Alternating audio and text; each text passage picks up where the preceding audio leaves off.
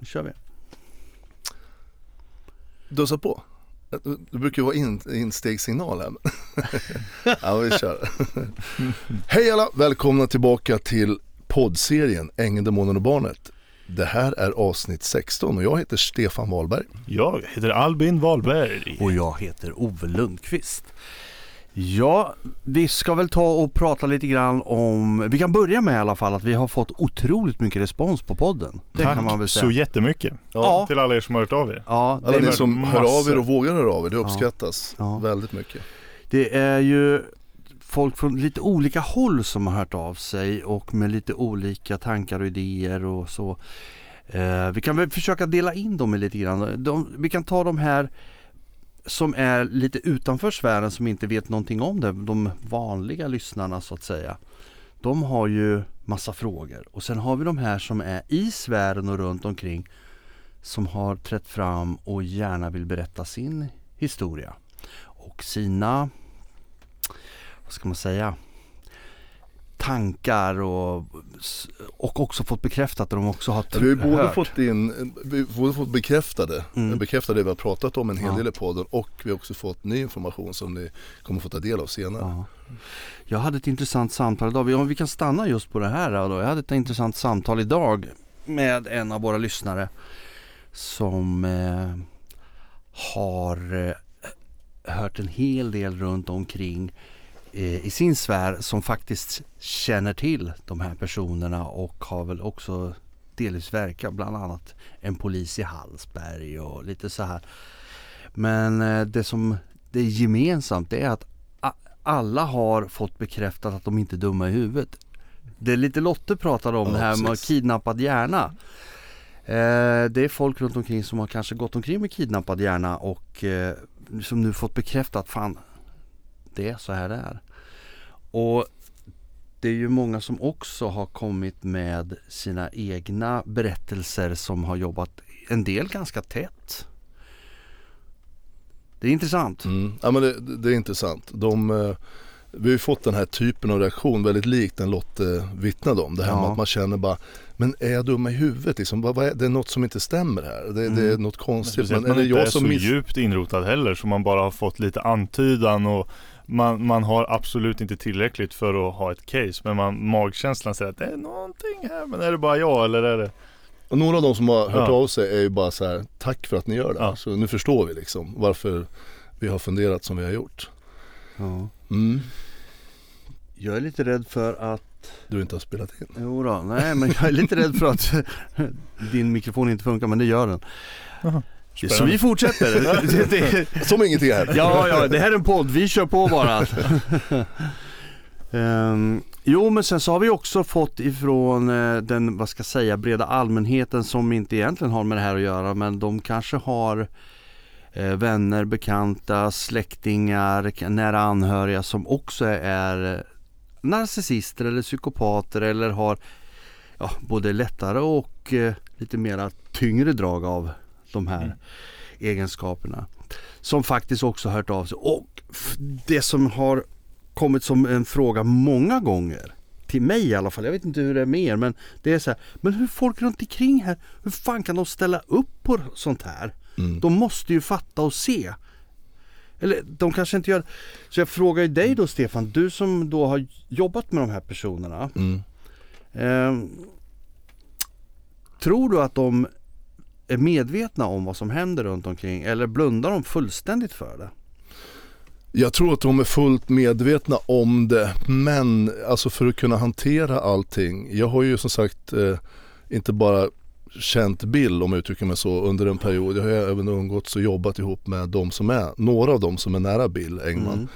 Mm. Eh, och eh, jag, jag förstår, jag har fått bekräftat. Eh, vi kan ta som exempel eh, hon som är VD Mm. eh, för, och jag tror att hon numera är delägare. Hon har fått en, en eller fått och fått, men hon har blivit tilldelad aktier även i växenheten. Malena Högberg, Okej, ja. som vi har nämnt tidigare. Hon är liksom en central figur i och sköter väldigt mycket åt Bill Engman och eh, som sagt hon är ju verksamhetsansvarig för växenheten också, VD, sist jag tittade i alla fall, Ja. om de inte ändrade. Eh, hon, eh, hon och jag hade ju, när den här processen, när det började, om ni kommer ihåg ni som har lyssnat på poddserien, sommaren 17 när det började riktigt braka efter de brinnande bilarna och Ja, alltihopa det där. Så började det här otroligt märkliga perioden hela hösten eh, 17 och där pratade jag med Malena. Fram till, jag tror det var i november, när jag nämnde för Eva vid, någon bara, vid det här mötet i Hongkong att jag, där vi träffades Just och pratades då, då nämnde jag bara att ja, jag har inte pratat med någon förutom Malena säger jag, men det, vi har haft lite samtal och efter det så pang, då var det slut. Och då, som sagt, då såg Eva till att berätta för Bill, Bill gav direktiv. Det kan jag förstå utan att jag har ju inte hört samtalen såklart. Nej, nej, men, men efter det så vill hon inte prata med mig, hon svarar mig inte eller någonting. Men, så jag vet ju, där har ju Malena bekräftat att hon förstår att Bill är som han är. Och hon har ju sagt de här orden, det har jag redan berättat i Mm. tror jag, en tidigare avsnitt också. Men, men då sa hon till mig som avslutning på det samtalet, men du måste förstå Stefan att det är Bill som sätter maten på mitt bord och jag kommer aldrig gå emot honom. Det måste du förstå. Och då kan man ju säga, vad, vad menas med det när man säger så? Jo, hon vet om att Bill är så här. För hon bekräftar att hon har fått andra som har ringt till henne tidigare och sagt ungefär samma sak, att de har råkat ut för ungefär samma sak som jag har råkat ut för med Bill. Och berättat samma saker, hur han gör, vad han har för ja, men metod och allt vad han hittar på. Eh, men liksom, så hon, det bekräftar ju hon. Men ändå så bekräftar hon också att hon ställer upp på det. För att det är han som sätter maten på hennes bord. Hon är alltså, det kan man ju säga utan att spetsa till det för mycket. Det är ju så man är köpt, bekräfta att man är köpt. Jag får de här pengarna, jag kommer aldrig gå emot honom. Jag vet att det han gör är fel, men jag kommer aldrig gå emot honom. Men jag måste fråga dig en sak nu. För, för förra avsnittet så pratade vi om eh, rättegången den som var Mm. och lite, ja, gick igenom det då. Hon var inte med där. Kommer hon vara, för det kommer vara en rättegång till eller Mm, precis, angående Kommer- anställningen då. Ja. Kommer hon vara med i den eller? Det sista som jag har såg så är hon uppsatt som vittne. Ja. Så det innebär då att hon i alla fall så här långt har varit villig att ställa upp och sitta och vittna under ed och då ljuga. Alltså det är Eva då och Bill, guldkornet, som har kallat henne som vittne. Och ska då vittna om de här sakerna som vi har pratat om tidigare, de här falska anklagelserna att jag skulle ha misskött mig och jag har smutskastat personal och allt möjligt och sådär. Och där ska hon, trots att hon vet hur det egentligen är så ska hon sitta då och, och ljuga för Bill. Jag tror att det är så här, det är så han funkar. Han, han ställer absoluta krav på sina medarbetare. Det var ju som han sa till mig vid några tillfällen. Ja. Stefan, jag vill inte jobba med nå- någon som inte gör exakt vad jag säger, exakt när jag säger. Gör de inte det, då är jag inte intresserad. Ja, det, var hans, liksom, det var så han uttryckte sig till mig. Mm. Och de som är runt honom och får, ta del av hans pengar. Det här är ju en kille nu som är god för minst 300-400 miljoner kronor som han har tjänat ihop på 10 år.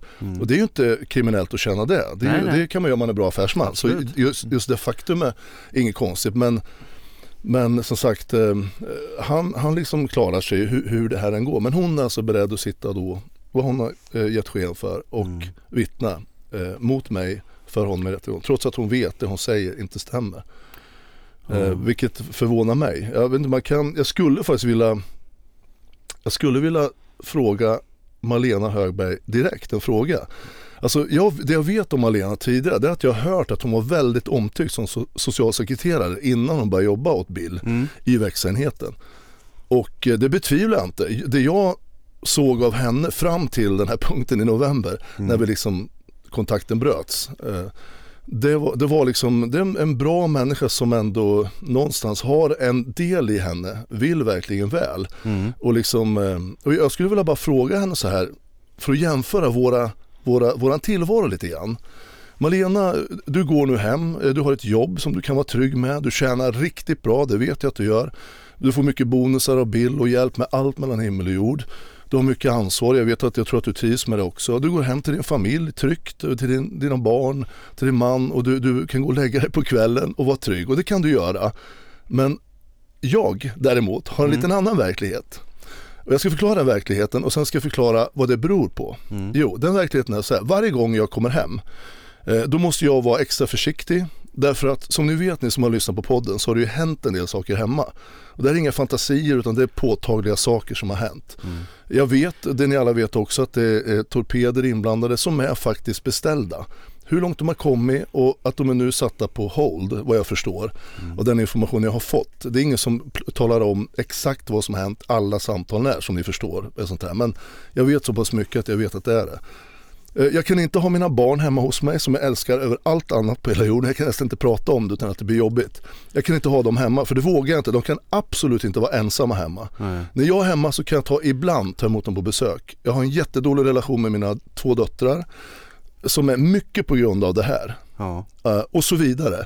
Min, jag hade problem ett tag faktiskt efter den här processen när den var, om vi säger nu hösten 17 in i 18. För första gången i mitt liv, jag har alltid sovit som en stock. Jag somnar på kvällen, jag sover som en stock. Mm. Eh, och sen får någon väcka mig om jag inte har väckarklockan på. Men där började jag få vakna på nätterna av att jag var lite, så här, lite orolig. Mm. Och det där blir ju jobbigt till slut också. Nu har jag kommit tillbaka så jag kan sova och så här, för nu har jag liksom förlikat mig med alltihopa det här. Men allt det här, det beror på Malena, din chef. Han har alltså, som vi vet, anlitat torpeder. Jag vet inte när de dyker upp, jag vet inte om de har varit hos mig. Jag vet att de är kontaktade, jag vet att det är torpeder liksom, eh, anlitade. Men jag har ingen aning om allt annat. Den här oron liksom för mitt liv och för mina anhörigas liv, för mina barns säkerhet, den tror jag ingen förstår riktigt fullt om man inte har varit med om det själv. Nej. Jag hanterar det här så gott jag kan. Jag tycker att jag gör det anständigt bra, men det har fått stora konsekvenser i mitt liv. Och jag måste direkt till dig Malena, du kan väldigt enkelt gå in du kan höra av dig till mig, du kan höra av dig till din chef Bill Engman och säga jag ställer inte upp på det här, för det här är inte korrekt. En av de sista samtalen jag hade med dig Malena, eh, det var angående att den här sprickan började bli så jobbig. Jag tror att det var i september, oktober innan jag träffade Eva, eh, 17, innan jag träffade Eva i Hongkong. Mm. Eh, Då sa, då sa jag till dig att jag tyckte det var väldigt tråkigt alltihopa. Eh, Vi hade ju haft våra möte där vi kom överens om att vi skulle göra upp. Och, och jag trodde då, gick i tron att, att Bill, och, Bill skulle göra värderingen som ni alla vet som har hört på podden. Mm. Och du säger till mig, ja men Stefan du har väl inget att vara orolig för, du kommer ju bli en förmögen man nu. Ni ska ju, du, ska, du, kommer ju, du, du är ju värt så pass mycket. Alltihopa det här sa du till mig ordagrant. Och då vet du också om precis det vi hade. Du hade garanterat, du måste ju ha pratat med Bill eller Eva eller båda innan. Du visste om den här uppgörelsen, att jag skulle lösas ut och att vi skulle liksom gå skilda vägar. Men du tänkte att ja, men jag kommer ju bli en förmögen man, som du sa själv, exakt de orden.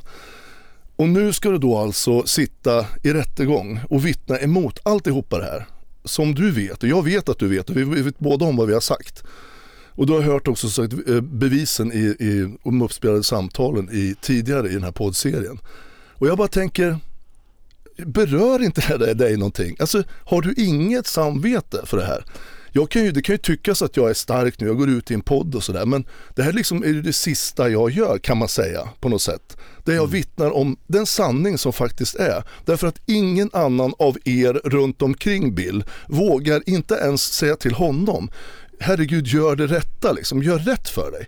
Det enda han hade behövt göra det är att göra rätt för sig och betala det som är mitt. Inte ens det som, den summan som är mitt utan en mycket, mycket mindre summa som jag har föreslagit till honom via de förmedlingsförsök vi har haft.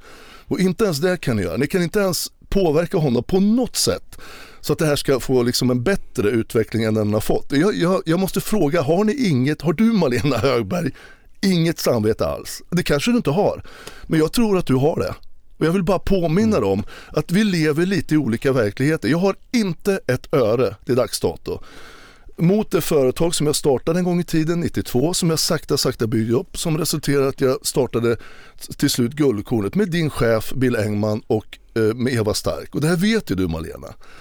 Men ändå så har du inte liksom råg, så mycket råg i ryggen så att du kan liksom säga någonting och göra någonting åt det. Inte bara det, utan du ska nu gå in och vittna också emot mig. Och jag bara tänker, ja det är väl okej, det är väl så här man gör i Sverige. Jag, jag kan inte komma till någon annan slutsats. Nej. Oj. Men, men man förväntar sig lite mer. Man förväntar sig, jag kanske är naiv, men jag har trott att, eh, liksom, i alla fall när jag var yngre, tänkte att det finns en god sida hos alla. Man, man, det finns en gräns där man säger nej, nu får det vara nog. Nu liksom blir det för, eh, en, när en människa mår dåligt eller när en människa blir utsatt. Så det sunda är ju nå- nå- att göra någonting, i alla fall säga vad man tycker, det är det minsta. Men det är ingen av er runt omkring som har gjort, trots att du bland annat Malena vet allt det här. Ja det här ska bli intressant att se vart det här tar vägen. Mm. Oj, det var, nu kom det mycket på en gång. Nej, men jag- ja, ja, jo, men det, det, jag förstår dig. För det, du, har- det, det är ju en, vad ska jag säga, en vettig frågeställning också. Med tanke Väldigt på rimlig. utvecklingen. Vad sa du? Väldigt rimlig. Ja absolut, ja. Och nu när vi pratar om det på det här sättet, jag har ju bestämt mig för sedan rätt långt tillbaka att göra den här poddserien som ni har varit så snälla och ställt upp på också och Mm. så vi hjälps åt tillsammans med. Men det är ju mitt initiativ. Och det är jag som står för den här och det är jag som vill göra den här. Och, eh, de här tankarna nu, till exempel om dig Malena, har ju funnits och det är väl ett bra läge här att presentera dem. Och sen kommer det antagligen bli så att du tycker att det här var lite besvärligt. Sådär, ja, det var att han nämnde det här. För det är klart att alla de som jobbar med Växa, alla de som jobbar med dig Malena, alla socialsekreterare du har att göra med, som kanske då har lyssnat på den här podden, förstår ju att det troligtvis är så här. Inte bara för att jag säger det, utan för att ni har hört bevis. Det är mycket uppläst i kommunikation, det är samtal uppspelade och så vidare. Eh, och, och det jag säger liksom det, det, det är bara rakt av o, osensurerat. Det är, även, det är inte till fördel för mig själv allting heller. Men det är så här det är. Så jag, jag, jag kan väl göra en liten uppmaning till alla som har med växa att göra. Om ni vill ha att göra med den här typen av människor. Det kanske låter provokativt men har man en chef som är beredd att ta till torpeder bara för att han vill ha alla pengar, även andras pengar och han vill inte lämna tillbaka dem utan om någon då försöker säga att vänta, är inte du skyldig mig lite pengar? Då tillkallar man torpeder som ska ta bort människor. Där borde i alla fall någon gräns gå, tycker jag. Ja, hej. Nu vart det, Det var nu mycket det, på en ja, gång. det vart mycket till. Ja men fan, det, Ja, det, det är liksom här ändå värt att nämnas. Ja, men jag fattar. Ja. Ja, Som ni känner mig, jag är inte den som går omkring och tycker synd om mig själv. Det gör jag verkligen inte. Nej. Jag försöker se varje dag som en gåva. Jag vaknar upp och, och liksom är glad för varje dag jag får vara med om. Jag hoppas de människorna som stöter på mig, det blir mycket om mitt perspektiv, men det får väl bli så nu. Men, och jag hoppas att de upplever mig likadant, att jag inte är någon sorgsen, bitter person som gärna går och svårt att pratar. tro. Ja, men jag, hop- tro. jag hoppas inte det i alla fall. Mitt mål är att försöka sprida så mycket glädje och kärlek som möjligt. För det är liksom det enda vettiga att göra i livet och det, det är inte så svårt om man tänker efter. Men, men, men i det så ligger också när man, eh, man hoppas att någon ska stå upp för någonting någon gång ibland. Och inte tvärtom, man, man liksom ställer sig bakom en som, som tar till de här metoderna och gör det Bill har sagt. Jag kan tillägga det, det några av de här personerna har sagt som har kontaktat oss nu. För det är jävligt roligt att det är så många som har gjort det. ja. Det är ju att Bill nu har satt igång med en väldigt intensiv kampanj och förklara att det är inte han som är demonen. Det är inte han som är psykopaten, det är jag. Och så ska Man, de... man kunde nästan tro att han har lyssnat på våran podd och säga såhär, jaha men det var så jag skulle göra, ja precis. Vi la orden i mun på Ja men nästan. Och det, det är ju lite så här bara, Bill, som, Bill Engman som i vanliga fall är väldigt svår att få tag på. Han är, vill hålla sig undan och sådär och säger inte mycket alls privat. Men nu är han väldigt, väldigt angelägen tydligen till de vi har pratat med. Eh, att, att förklara hur det egentligen är. Och han har väldiga förklaringar på hur allting är och hur han är helt oskyldig och utsatt för den här elaka Stefan. det, Ja, är, väl- det är väl lite så de fungerar. Det, så, så är det ju. det här är ju liksom inte unikt för honom utan det där är ju för den typen av människor som gör så. Ja. De vänder allting. Vi pratade om det här med spegling och det har vi ju Mm. redan sett en, eh, en gång. Men ett exempel var ju det här med eh, att det var du som skulle ta honom av daga. Som han, han uttryckte Mm. sig. Mm. Han Stefan ifrån eh, eh, Pinkerton. Pinkerton. Eh, och ja, det är också lite intressant va? För- För just ja, det jag tänkte på en grej. Apro- när vi pratar om Pinkerton. Mm. Du Mm. hade ju gjort lite så här, en liten egen analys här om en tidsordning apropå Pinkerton. För det var ju också en sån här grej som har kommit upp eh, eh, när folk har frågat lite grann om Pinkerton och vad, vad är det för någonting och allting. Men du hade ju gjort en anmälan. Hur, hur var den här tidslinjen nu? Den Ja, det var, jag ganska- kunde inte låta bli att gå in. Tänk på att vi har hållit på nu här i över fyra år är det ju. Ja, Alltså vi säger 18, 18, 19, 20, 21, vi är inne på snart 22, snart fem år är det. Ja. Herregud, Det är mellan fyra och fem år. Och på alla de här då nästan fem åren ja, så pratar vi inom sex dagar. ja, Vi pratar alltså november tror jag det är, eh, eh, förra året, 21. ja, Den nionde ja, åker jag ner till polisen och gör en anmälan på Bill Ja. Därför, och jag lämnar in de här samtalen Pierre har, som har direkta konkreta bevis på uppsåt till, ja, ja, och hur man nu rubricerar mord eller vad det är, försök till mord eller jag vet inte hur polisen rubricerar. Den nionde, Mm.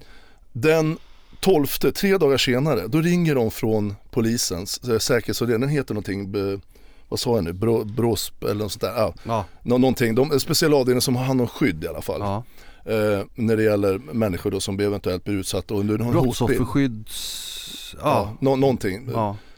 Precis, nu, jag kommer ihåg ja. förkortningen. Skitsamma. Strunt samma. De ringer dig. Ja, de ringer mig och det är den 12. Ja. Vad händer den 15, ytterligare tre dagar efter det? Jo, det är då Pinkerton ringer. Och då säger han, han börjar med att presentera sig som ni kommer ihåg ni som har Ja. lyssnat, som han heter det och det och han jobbar på Pinkerton och han har jobbat som polis säger han ju senare i över 20 år, 20-27 år eller vad det var för någonting. Och då tänker jag så här, inom sex dagar händer det här. Kan det vara så? Eller är jag konspiratorisk att han har jobbat som polis, han har väldigt bra kontakter och för detta kollegor som jobbar inom polisen som möjligtvis har fångat upp den här anmälan. Just det. Alltså tänk, tänk er det här tidsspannet, är det en tillfällighet? Kanske det, men det är ju väldigt konstigt under de här fem åren nästan att det här ska hända precis inom bara några dagar. Där då han ringer och då har han fått in en anmälan eller fått på sitt bord som man säger Ja. att någon ska ha ihjäl Bill Engman. Kom ihåg vad jag har sagt till polisen några dagar tidigare. Jag lämnar in telefonsamtal där Bill Engman har beställt torpeder som ska ha ihjäl mig. Är det en tillfällighet? Nej, inte i min värld. Men, men som sagt, nu bara, nu bara liksom noterar jag de här datumen och tillfälligheterna. Om det nu är det. Ja men jag tänker det har ju gått så lång tid men liksom som du säger det, det är ju flera år som har förlupit och sen Ja. så bara inom loppet av några dagar Precis. bara, bara det att du sätter spaden i marken och börjar göra en anmälan så händer de här Alltså sakerna. ett par dagar från att polisens skyddsavdelning Mm, får uppgifterna om att du eventuellt är i fara mm. till att han som är faran i fallet får reda på att du har anmält till dem. För samma sak som han har Sam, gjort. samma sak. Ja, men alltså, det, för det är rimligt här att anta att Bill ska ha fått reda på från Pinkerton. Om vi utgår ifrån att det finns ett samband här. Eh, för som sagt, slumpen är sällan så slump, slumpen är sällan en grej. Eh, om vi utgår ifrån att Pinkerton har fått reda på någonstans via någon från säkerhetsavdelningen så det är rimligt också att anta att Bill har fått veta att Pinkerton har åtminstone frågat honom bara vad, vad, vad är det här liksom? Mm. Och då säger Bill, gissningsvis nu bara, nu bara höftar jag, men säger att nej men det är han som har, har, har, har hot mot mig, han har sagt det här om mig. Och sen får Pinkerton det på sitt bord, såklart att det är så. Det, det, det, borde, det, är ju- det är ju mest det var ju så, sannolika i det var ju så underligt det där för jag tänkte på det där då när, när jag hörde samtalet första gången. Eh, att eh, som han sa, det är någon i sfären. Mm. Ja, det är väl klart, men då måste någon i sfären veta att Pinkerton överhuvudtaget är inblandade som gör ett, ett uppdrag Mm. åt växenheten. Hur många vet om att Pinkerton, alltså skulle jag anlita Pinkerton, jag kanske skulle be, berätta det för en handfull personer, Mm. om ens det, om man ska få något vettigt ur det. Ja. Det skulle kanske vara i eh, de absolut närmaste. Mm. Så där blir det, du hade ju en teori där att vem det skulle kunna ha varit i sådana fall. Men eh, den är ju inte helt orimlig i och för sig. Men visst. Ja, men om nu Bill vill se till att det inte kommer från honom, Mm. eh, då är ju Eva nära till hans Mm. såklart. Nu ska, nu ska jag inte anklaga henne, det är ju teorier vi pratar om. Ja. För vi vill ju hålla oss till sanningen här och Ja. vissa saker vet vi. Det här är ju sannolikhetstänk vi gör. Ja. Vad är det rimligaste? Och Mm. det, det vore ju sådana vansinniga tillfälligheter om det här skedde i, i samma hop. Mm. Och sen ska man komma ihåg, Pinkerton är ju, eh, de säger själva, och det är de, de är världens största Mm. säkerhetsföretag, detektivföretag. De är säkert kallar- sjukt duktiga på Ja det men de alltså tänk själva, de jobbar med säkerhet åt Google, Amazon, Mm, Det Facebook. konstigt om de inte var Ja, sjukt och, duktiga på det de gör. och, och de uppdrag de får det är att hålla koll på många anställda som, som Mm. sitter med ja, konkurrerande verksamhet eventuellt och sådär.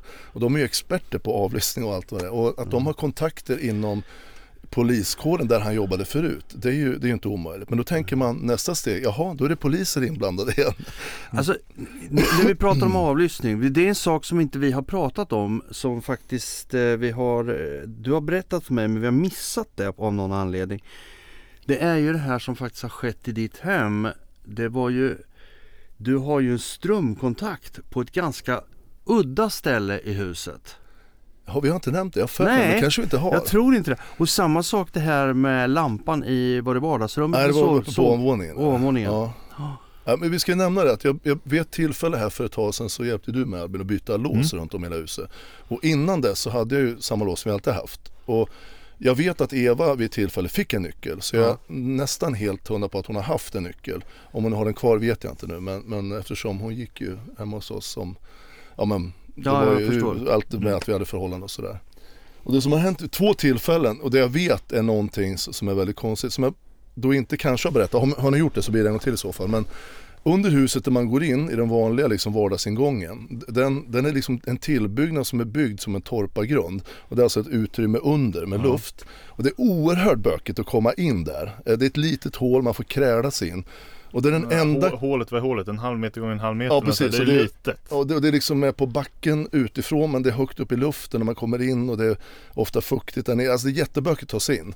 Jag kan, jag är rätt så lång, 1,95 så jag kan, precis som jag sträcker mig så kan jag sträcka mig in. Och Nu berättar jag för eventuellt andra som ja, men jag gör det, det är det som det är. Ja. Eh, man sträcker mig så kan jag nå den här kontakten och där har jag då en, en värmeslinga som värmer vattnet som kommer in för det kommer in från backen. Och sen går det en liten stund i luften innan det går in i huset och där har jag värmeslinga ligger. Och den måste jag alltid, den är alltid, har alltid varit i från när vi byggde huset. Annars så fryser vatten på vintern. Annars fryser det på vintern. Och Ja. det har aldrig behövt brytt mig om det och det, det är liksom ingen annan av er som har varit inblandad i familjen heller utan Nej. det där har jag skött.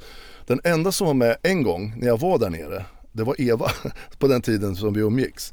Hur som helst, med det sagt så eh, det kom här, det är några år sedan nu, är det två år sedan kanske tror jag. Vintern måste det vara. för, ja precis, nästan exakt två år sedan när det Ja. började frysa till. Så plötsligt så frös vattnet. Mhm. Och jag bara, vad fan är det här? Det är liksom, det, allting har funkat så bra, det har inte frusit eh, i princip någon gång. Jo, jag hade strömavbrott någon gång, då frös det. Men, och det var någon gång det var t- 35 minus, då frös det också. Men annars har det aldrig liksom frusit. Det vart några minusgrader, så frös vattnet. Jag bara, vad fan är det här? Så jag går runt och kollar och tänker att om det kanske lossnar. Nej, efter natten så gjorde det inte det. Okej, så jag får bara titta runt. Och då går jag runt och kollar i pumphuset och så vidare. Och sen tittar jag under. Då är alltså kontakten, den så, och den sitter väldigt hårt. Liksom. Den, den sitter inte liksom på, på, på, på, snis, på, liksom på en halv fjärs utan den sitter liksom benhårt. Den, ska man dra ut den så är det liksom Får man ta i lite grann? Ja, och den sitter benhårt långt in. Ja. Den är urdragen. Och jag bara, vad fan är det här? Och som jag tror jag har berättat i podden tidigare så har jag haft extrem, under en period på ett, ett och ett halvt år tidigare här så har jag haft klick i telefon Mm. bara när jag är hemma. Så fort jag då pratar med någon och jag är hemma så har det klickat på ett sätt som är, alltså det är jättekonstigt, oregelbundet så här klick och så bara klickar det på, sen kan det dröja en stund och sen klickar det av, men alltså jättekonstigt. Mm. Och det, jag kan ju låta nu som paranoid, jag får ta det, men det är verkligen, den har verkligen klickat och betett sig jättekonstigt telefonen. Eh, Och det här var en, en sak som hände efter det och rätt så nära det här så en annan dag när jag kom hem så det kanske är bara några månaders intervall så går jag upp på ovanvåningen och under den här perioden så är jag bara själv hemma eh, ingen annan har varit hemma eller något sånt där. Då går jag upp och sen så tittar jag, jag har taket, det är, vad är det, två och en halv meter nästan till taket, Ja. 2,40 tror jag, på ovanvåningen. Jag själv som har lagt det, det är trä, pälsspont och sådär och så sitter det spottar intryckta och ni som vet hur de där funkar i, i träspontgård, det liksom är det är som små fjäderklackar som man liksom det. trycker in och spottar och så liksom det smäller till när man trycker Ja. in och sitter stenhårt. Man, man får verkligen, man dem- naglarna om du försöker Ja. att ta ut dem. Liksom. Exakt. När jag kommer upp för trappen så ser jag ju då direkt, för att taket blir ju jämnt och så har jag väl en nio spottar eller vad det är taket. Då en, en av de här spottarna är helt ute, alltså helt utvinklad. Den ena är helt utvinklad. Okej. Och jag bara, vad, vad fan är det här? och då, då känner jag bara, jag har inte gjort det 100%. Det har inte varit någon annan hemma på säkert någon vecka där, alltså på flera dagar. Och det här skedde ju från när jag åkte på morgonen till jag kom hem på kvällen. Då känner jag bara, vad fan är det här? En råtta? Alltså, det finns inte en möjlighet att någon skulle kunna trycka ut den. Jag trycker då tillbaks den och märker, det är ju Och det är inget fel på den här själva fjädern heller? Nej nej nej för fan, den funkar. Jag lägger in den precis som ja, de sitter när man, när man sätter dit den, de är nya. Och så bara klickar jag in den igen, så bara smäller ju in så den sitter ju stenhårt. Då tänker jag bara, okej, eh, och det här skedde då på några, må- några månaders liksom, mellanrum. Och efter det så har inte telefon klickat något mer överhuvudtaget. Sen efter det så bytte du, hjälpte du mig att byta lås rätt så Ja. snabbt. Så vi fick nya lås överallt i hela huset. Okej. Och sen har det varit lugnt efter det. Men jag bara, jag måste ändå notera. Och för de som inte vet det, ett tydligt klick i telefonen när man pratar kan vara ett ganska säkert tecken på att det är några mer aktörer med och lyssnar på samtalet. Ja, Mm. ja man- precis. Och, och som sagt, jag försöker att inte vara paran- paranoid, för det orkar jag inte vara. Det har aldrig varit det. Jag, jag, vill- Ja, jag, men jag, det- det- men, men ändå måste jag notera det som har hänt, för det liksom är det var så jävla tydligt liksom. Ja, för jag vet när du berättade för mig, jag tänkte det här är ju helt sjukt. Det är ju Ja. sånt där som inte bara händer utav Nej. sig självt. Det går inte. nej. Alltså det här om vattnet hade frusit och det hade varit den här elslingan att den hade liksom gett upp. Det är, Ja, det är en, en sak. Det är en sak. Mm. Men att kontakten är urdragen Mm. och som du säger den sitter väldigt hårt. Mm. Sen jag vet de här infällda, alltså Mm. de sitter ju med så här, man måste, när man ska stoppa in får man klämma ihop dem och trycka upp dem så kläms de ju ut Ja. utav Och så sitter de som du säger. Ja, ja. De Och du ha ut då, då får du liksom ta nästan mejsel och Ja. börja och trycka in ena utav den där för att få ut den. Så Jag det är provar lite mäkt. efteråt. Jag provar efteråt med naglarna. Du kan inte ta med naglarna. Nej, du, du måste- bryter naglarna Du av. måste Att de ha en bra mejsel och trycka med för att få ut en sån Och här. just den tjockleken på trätaket som är, den liksom gör att ja, de sitter stenhårt. Så någonting, ja. Men man kan ju spekulera, vad har hänt? Ja, inte vet jag. Jag bara noterar att det är väldigt konstigt. Men efter vi bytte lås så har det varit lugnt. Inga problem. Ehm, och, och det är förklaringen till det här att, att det har hänt saker hemma. Ja. Eh, så som är liksom, du vet, man bara, ja, och som sagt, man, då tänker ni som lyssnar kanske, ja men man kan missta sig. Nej men, alltså jag har inte varit på de här spottarna, jag har inte rört dem på, på åratal liksom. Jag bytte någon lampa kanske fem år tidigare eller något sånt där, men alltså annars så, så rör, jag, jag rör dem Ja, aldrig. och, och sen får vi tillägga här att vi har ju ingen 100% förklaring på det här och vad det är. Nej. Vi, vi, vi har ingen jävla aning och det är ju mycket därför vi inte har tagit upp det Nej alltså det, jag känner Det bara är ju just nu. nästan vi liksom kan nämna det nu. jo, men du Och som vet, då för- ufon och Ja, men jag alltså, tycker det är så där, skum men- grej. Mm, Ja men som Det är förklaring. oförklarliga saker liksom. Som förklaring skulle ju det här kunna vara då. För det jag så mycket, jag hörde mig för lite med människor, det är inte så många som vet om hur sånt här funkar med avlyssning. Och jag läste, jag googlade som tusan och då finns det tydligen så att Speciellt på hus, Mm. det är svårare i lägenheter men i hus, där kan du alltså lägga en Ser ut ungefär, man kunde tydligen bygga om en sån här enkel telefon så att alla samtal går via en telefon som skickar vidare alla samtal. Ja. Både signalmässigt och, och smsen. Om man lägger den precis i anslutning till huset. Och då kan man ju tänka sig att den behöver ju ström om man nu ska göra det under en längre tid. Det. Det är så som den möjliga förklaringen skulle vara till varför eh, både den här spotlighten, för där ligger ju ström, det ligger ju en slinga. Ja. Jag tänkte vad fan den är avstängd? Nej det ligger en slinga liksom med ström som man, med dimmer och sådär. Och sen likadant i, i, om man tar det här eluttaget under huset. Mm. Det är samma där, om man, vill, om man vill ha någon ligga under en längre tid så behöver man ju ström. Och det skulle då vara anledningen möjligtvis att, man, att den var urdragen. Ja. Så, så om ni undrar hur det här hänger ihop. Men som sagt återigen, jag har inte sett när de har varit där så det är bara en teori men ändå mycket märkliga saker, eh, några stycken som har hänt ändå. Mm. Ja det är många grejer vi inte har tagit upp Ja, kan vi säga. Precis. Det är otroligt mycket. Men eh, för att återgå till våra lyssnare i alla fall så är vi otroligt tacksamma för alla som hör av sig. Det är, Det är jätte... så enormt kul Ja, att höra hur många som intresserar sig, tycker det är kul att lyssna på och som vill dela med sig av Mm. sina erfarenheter och liknande historier de har varit med om. Ja, Jätte, jättekul och, och mig personligen som har varit liksom indragen i det här också. Jag, det värmer mig faktiskt att ni gör det. Dels Ja. att ni vill det och att ni vågar och att ni vill delge informationen som ni, som ni ger. Och det är, som jag, som jag sagt till alla er som jag har pratat med, det är 100% bara mellan oss. Och är det någonting som ni liksom vill att jag kan använda lite grann om podd så, så kommer vi överens om det i så fall. Ja. Annars är det 100% eh, mellan Sekretess, oss. Ja, så, liksom. så att ni Ja. vet om det, inga konstigheter. Nej, eh, nu, eh, det här handlar ju liksom mer om att samla in information om vad andra kan göra och kan vi plocka ut russinen ur kakan liksom och kanske hitta någon information Mm. som kan hjälpa andra så kan vi ta det utan att berätta vem det kommer ifrån eller vad det rör. Vi kan ju hitta saker som man kan applicera. Mm. Vilket kan vara rätt bra. Ja, kan vi nämna det också, den här som du var nuddade vid, att det var många som hört av sig som också haft liknande upplevelser. Ja. Och det är, det, det, det är ju en jättestor anledning till varför vi också går ut och gör den här, Mm. så pass grundligt som vi gör. Därför att det här behöver vi prata om. Och jag frontar gärna det om, om man vill se det så. Och vi gör ju det här. Ja. Eh, För att liksom kunna hjälpas åt och hantera. För de här människorna, återigen som vi har sagt tidigare. Det är ingen lek att ha med dem att göra. Egentligen är de väldigt små. Bill Engman är en liten kille som jag ser honom.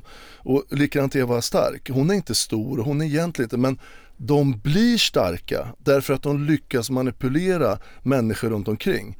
Du Malena Högberg, du Peder Dam och ni andra som är runt omkring. Det är några nya som har tillkommit som jag inte vet namnet på. Och det är inte så att jag håller på och kollar och forskar så, för det liksom orkar jag inte med. Utan det, det finns en grupp runt Bill som, som liksom backar honom i princip allt han gör.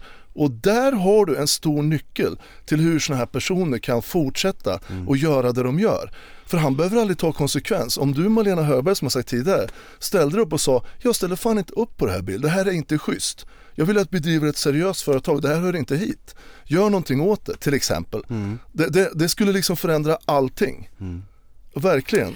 För det, det, alltså den här typen av personligheter finns ju liksom så många olika sammanhang och framförallt är liksom högt uppsatta eh, i, i, i affärsvärlden så är det ju många som har de här och de har ju kommit dit av en anledning därför att de kör fullständigt över folk och ger fullständiga fan i och skiter i de, konsekvenser eller någonting, de bryr sig inte utan de, de, de ska bara åt ett håll och det är framåt. Mm. Och sen om det blir eh, liksom skador på vägen, det skiter de i för det, det, det bekommer de inte. Och det är rätt olustigt att eh, människor kan jobba på det sättet och som det här vi har nämnt tidigare att de bygger sig en armé med Flying Monkeys som utför deras skitsysslor och alltihopa det här och de blir belönade. Det, alltså det är ju som att du kastar till dem lite nötter bara så här, men de får pengar men det, det är inga stora pengar för dem.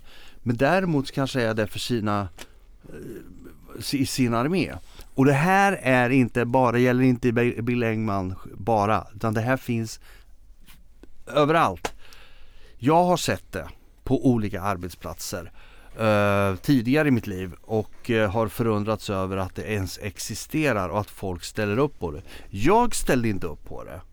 För jag, jag, jag var den motvallskärring som sa att nej, nej, nej, det här är inte okej.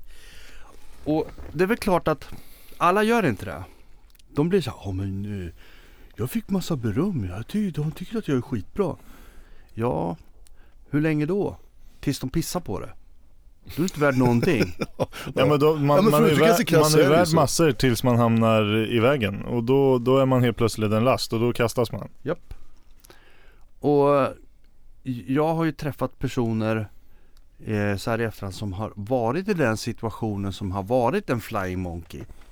Men har blivit eh, utkastad i kylan och är värd ingenting. Alltså man brukar säga så här, man ställer upp på jobbet och man gör så mycket och, och sen blir man utkastad och ingen som tackar en för, det- för det. Det här är så här typiskt eh, en händelse. Att du är en engagerad person, du ställer upp på din arbetsplats, du, du gör 110 procent och så får du höra lite emellanåt för att du ska liksom orka fortsätta. Vad duktig du är.